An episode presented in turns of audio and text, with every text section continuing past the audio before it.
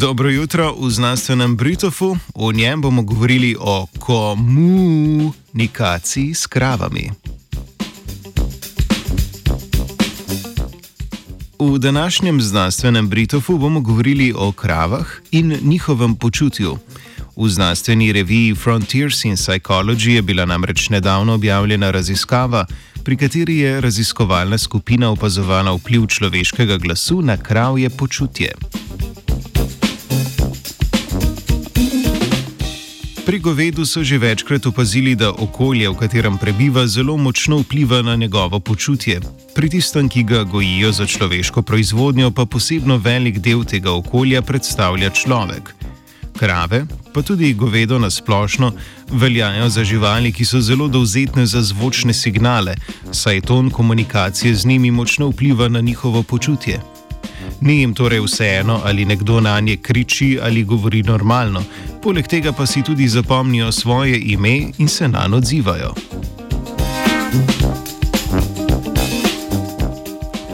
Raziskovalna skupina se je v novi raziskavi vprašala, ali lahko krave razlikujejo med govorom v živo in po zvočniku. Poskus so izvedli na 28 kravah, sestavljen pa je bil iz treh faz. V prvi fazi poskusa so opazovali obnašanje krave pred dražljajem, torej pred govorjenjem. Druga faza je vključevala božanje krave in pogovor z njo, po zvočniku ali v živo. V tretji fazi pa so opazovali, kako se krava obnaša po dražljaju, torej po koncu božanja.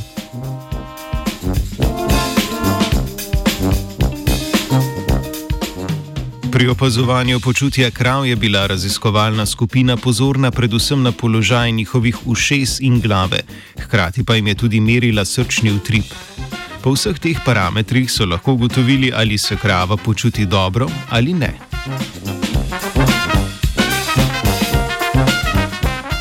Živali so med dražljajem raztegovale vrat in manj premikale ušesa, kar so interpretirali kot dobro počutje, saj tega pred stimulom ali po njem niso zabeležili. Obnašanje se ni razlikovalo glede na to, ali so s kravo ali so se s kravo pogovarjali po zvočniku ali v živo.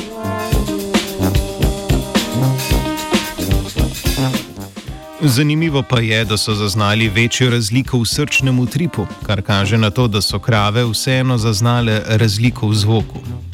Srčni utrip se je namreč med dražljajem zelo povišal, po njem pa upadel.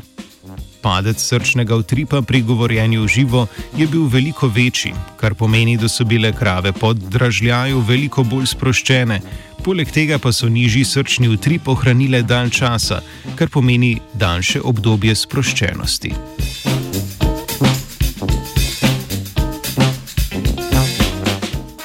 Povzamemo lahko, da je bila ta raziskava kravam verjetno zelo všeč, saj so se med božanjem in govorjenjem očitno precej sprostile.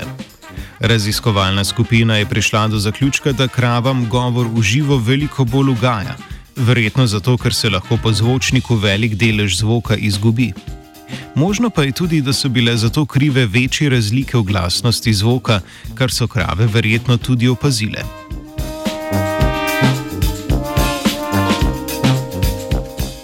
Kravami bo komunicirala Dora.